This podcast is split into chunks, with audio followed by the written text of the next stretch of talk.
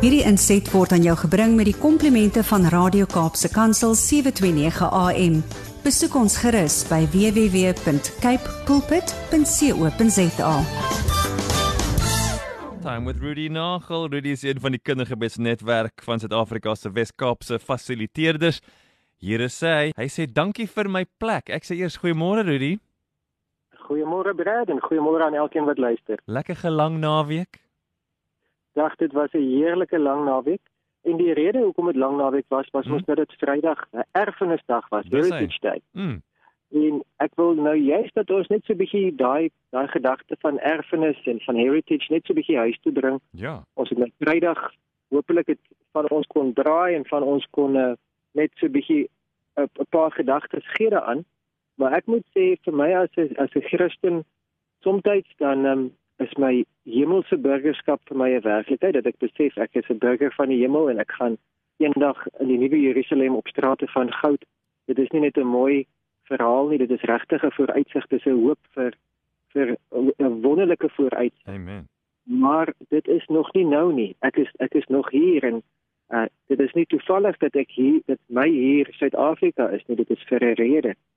En ehm um, terwyl ons daai vooruitsig het, daai hoop van wat is om te kom, het ons ook die mandaat van die Here wat sê dat ons moet bid, laat u koninkryk kom hier op aarde net soos in die hemel. So ons moet hier op aarde 'n verskil maak. Ons moet 'n aardse impak hê. So my Suid-Afrikaanse burgerskap moet ook van 'n konsekwensie wees. My Suid-Afrikaanse burgerskap moet 'n verskil maak.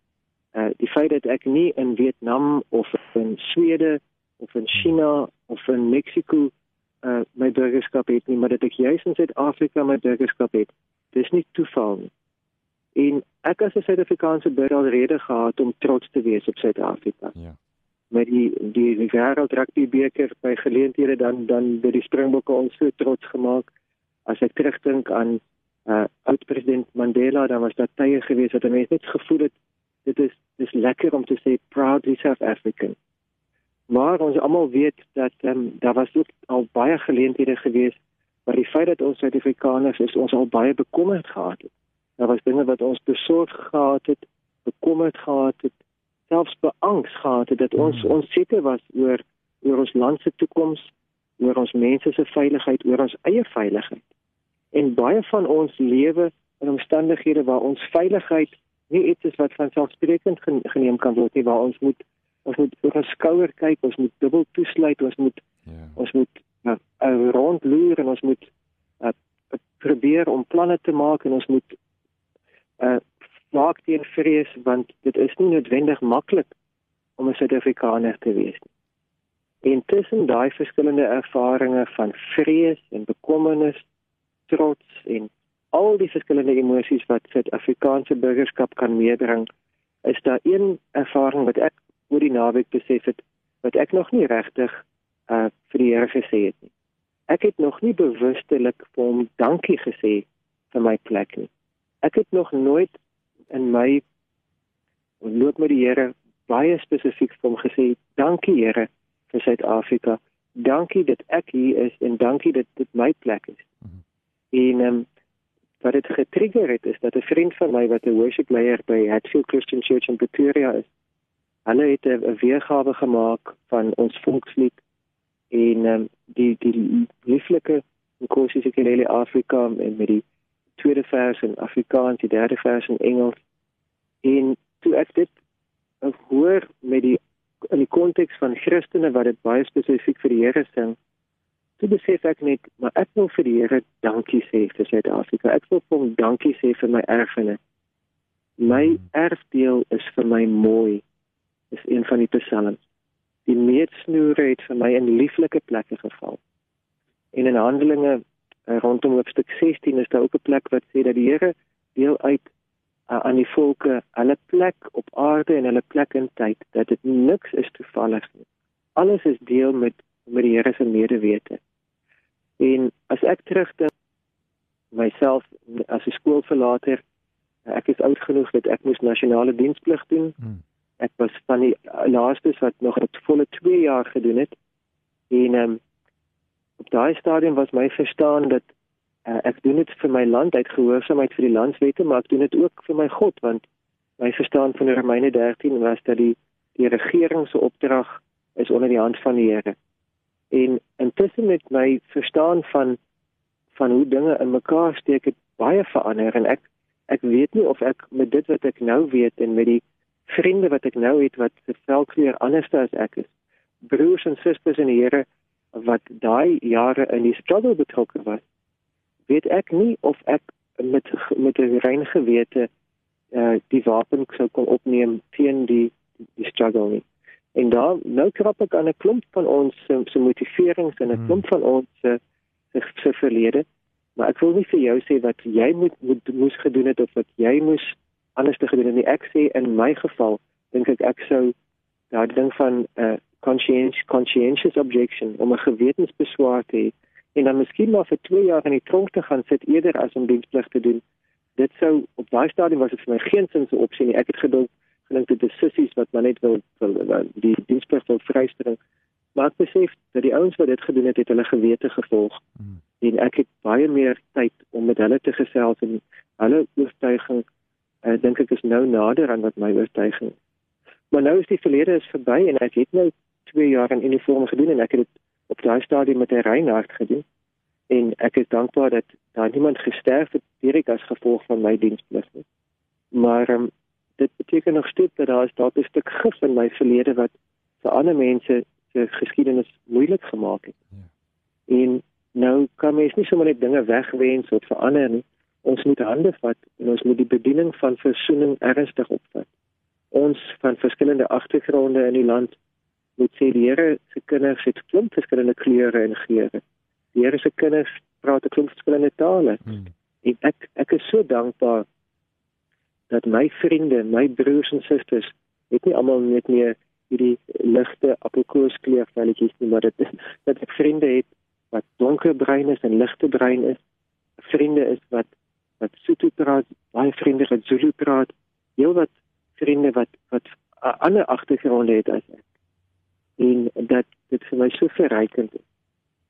En daarmee saam wil ek nog steeds nie enigiemand van ons moet skaam wees oor wie ons is. Ons moenie in 'n geval van shame of van ehm um, skuldgevoelens versprek nie. Ons moet net sê Here, hoe loop ek vorentoe sodat die verlede nie herhaal word nie, maar dat die toekoms beter kan wees. En hoe kan ek hande uitsteek? Hoe kan ek saam bou en saam dit met my broers en susters in hierdie land? En hoe kan ek 'n verskil maak? My plek is vir my mooi. My land is vir my kosbaar. En my land is vir my gegee. Ek het 'n ek het 'n ek het 'n reg om hier te wees want dit is God se geskenk ook aan my. En ek wil vir die Here dankie sê daarvoor. En nou nou as ons saam bid, dan wil ek elkeen wat wat gemaklik voel daarmee nooi om selfs my dankie te sê hmm. dat ons in hierdie land kan lewe, dat dat hierdie die land is wat die Here vir ons gegee het. En saam met my wil Ek vra dat jy vir Here sal vra dat ons ons plek vol sal staan in nederigheid, maar ook in in in, in goddelike trots en sal sê ek is trots om hier te kan wees op 'n mooi manier.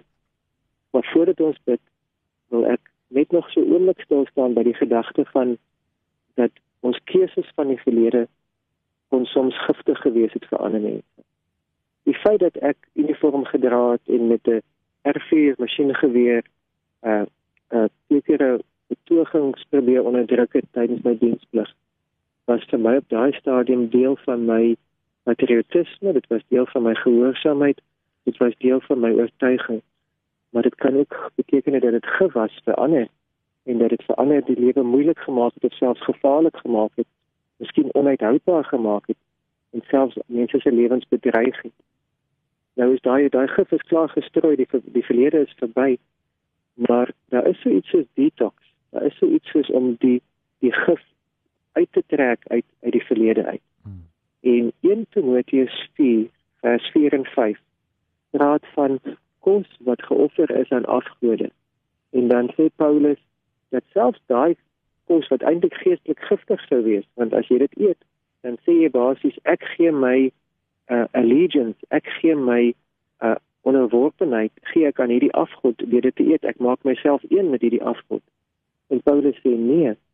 As jy daai kos met danksegging ontvang, as jy vir die Here, die lewende God, dankie sê vir hierdie kos, dan verbreek jy die invloed van daardie vloek op daardie kos, dan verbreek jy die invloed van die bedoeling van die feit dat dit toegewy was aan 'n afgod en jy en jy wy dit toe aan die lewende God. Jy breek die krag van die vorige invloed en jy gee dit die krag om 'n nuwe invloed te hê. Dis spesifiek in die konteks van kos wat geoffer is aan afgode. En ons in ons kultuur het min direkte ervaring van om goeders direk te offer aan afgode. Maar ons lewe in 'n geestelike wêreld waarin ons of vir die Here of teen die Here of vir die vyand of teen die vyand lewe. En of dit nou is met kos of met iets anders wat ons toewy aan aan 'n afgod, daardie toewyding kan gebreek word met danksegging. En ek het 24 maande van my lewe toegewy aan my land. Ek het dit gegee hmm. vir vir vir nasiediens, vir nasionale diensplig, vir in my in my verstaan my vaderland en daardie vir my vader. Maar indirek het dit beteken dat dit die land vergiftig het vir van my broers en susters. Ek kan nie die vrede verander nie, maar ek kan sê Here, ek wil daardie gif onttrek. Ek wil ek wil detox op dit in my eie lewe en ook die invloed daarvan wil ek verbreek op my land en ook die invloed op die mense met wie ek te doen gehad het. En net soos wat 'n mens kos wat vir afgode geoffer is, kan detox deur dit aan die Here te, te op te dra en te sê dankie Here, U het die kos gegee. Net so groot kan mens tyd of dinge wat aan iets anders toegewy was, kan jy op opdra aan die Here en sê Here, ek gee dit nou vir U. Ek vat dit weg by die oorspronklike en ek breek daardie invloed en ek gee dit nou vir U.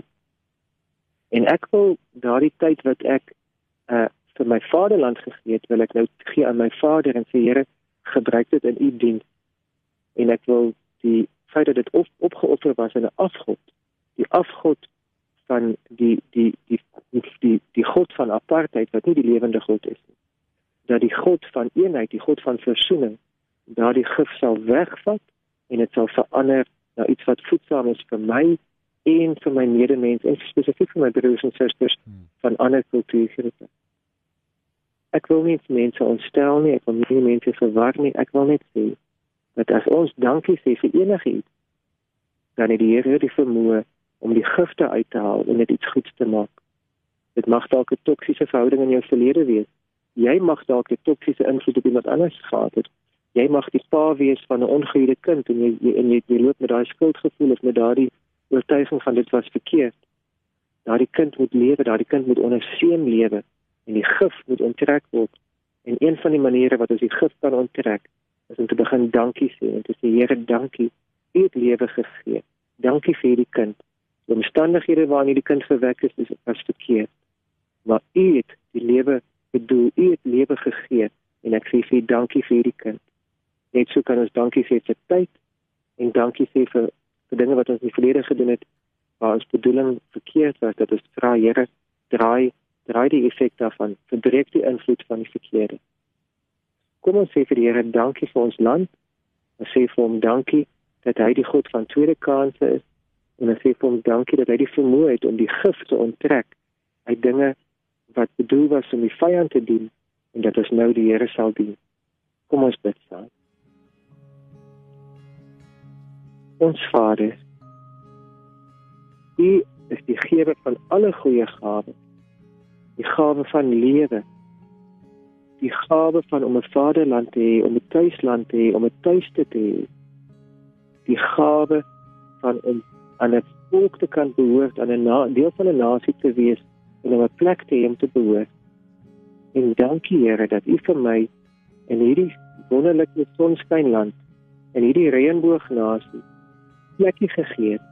Dat in 1968 in Pretoria het ek die my oë oopgemaak hmm. en kon ek sê nie op daai stadium maar later in my lewe kon ek sê hierdie is my land. Hmm. Dankie Here dat dit 'n gawe van U af is. Dankie vir ons land. Dankie dat ons hierdie land kan bewoon en kan bewerk. En dankie dat ons U dat ons vir U hier kan dien. Here in die verlede het ek dinge gedoen in diens van my land wat ek gedink gedink het is reg op daai stadium. My bedoeling was goed maar die effek daarvan was giftig op ander mense. En ek wil vra Here dat hierdie gif van my dade uit die verlede sal onttrek en dat dit die effek daarvan verbreek sal word en dat dit sal omkeer na versoening en heropbou en herstel reconciliation, truth and reconciliation bou en nie breek nie. Hande uitsteek na mekaar en in harmonie saamleef en nie veg en beklei nie. Dankie vir Suid-Afrika. Hierdie inset was aan jou gebring met die komplimente van Radio Kaapse Kansel 729 AM. Besoek ons gerus by www.cape pulpit.co.za.